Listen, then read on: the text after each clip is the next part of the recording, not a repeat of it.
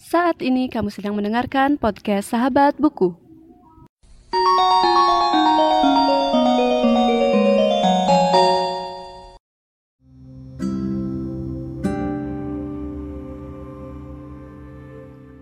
Halo teman-teman semua, jadi balik lagi sama aku di sini.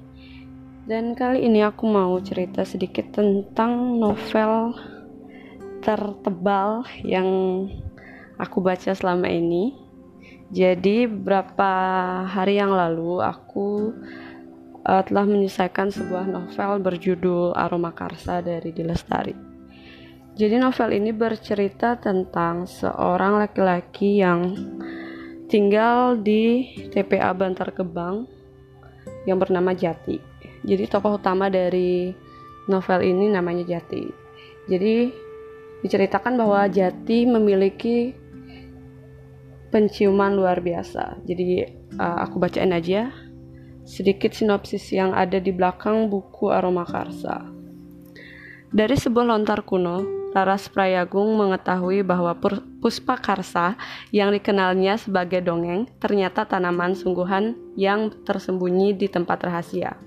Obsesi Raras memburu Puspa Karsa bunga sakti yang konon mampu mengendalikan kehendak dan cuma bisa diidentifikasi melalui aroma mempertemukannya dengan jati dengan jati besi.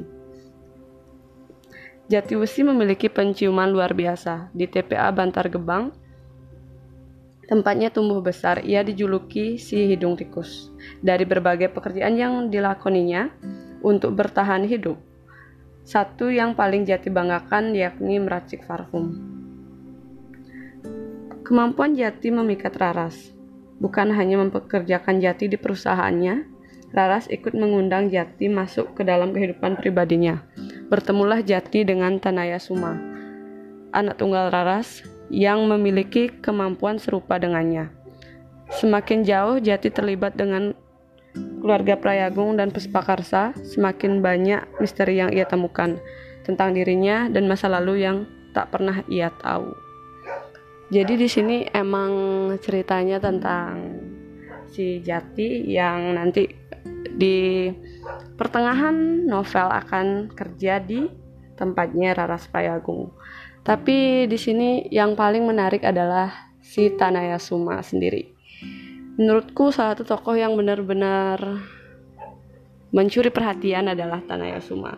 Jadi Tanaya Suma adalah anak angkatnya Raras Prayagung jadi digambarkan bahwa Tanaya Suma ini seorang gadis cantik yang nantinya akan mewariskan mewarisi mewarisi uh, perusahaan parfum milik Raras Prayagung. Dan Tanaya, Tanaya Suma memiliki kemampuan yang sama dengan Jatiwesi.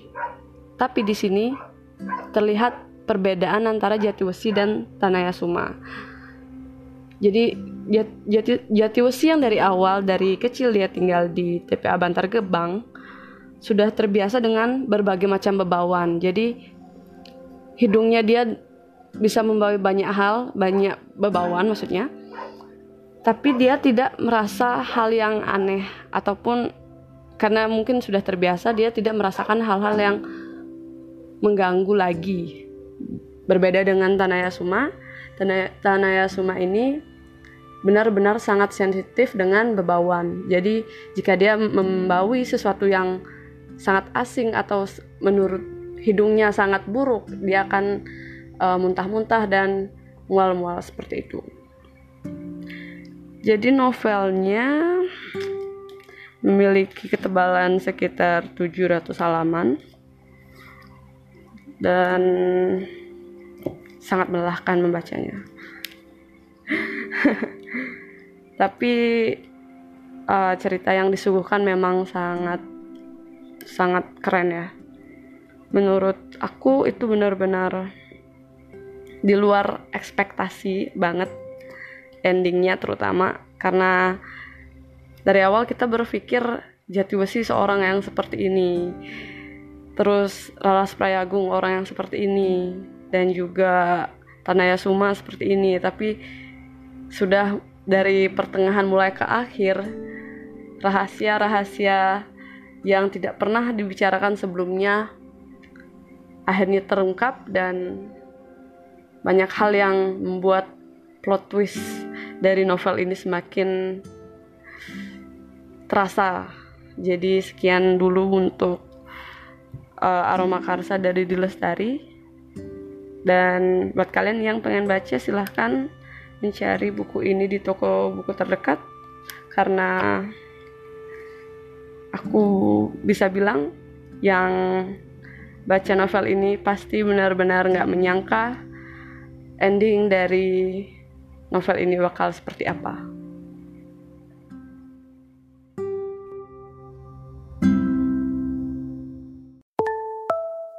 Terima kasih sudah mendengarkan podcast Sahabat Buku. Bagi pengguna Spotify, jangan lupa follow. Dan pengguna Apple Podcast, jangan lupa subscribe supaya bisa mendengarkan semua episode baru dari podcast Sahabat Buku. See you in the next episode.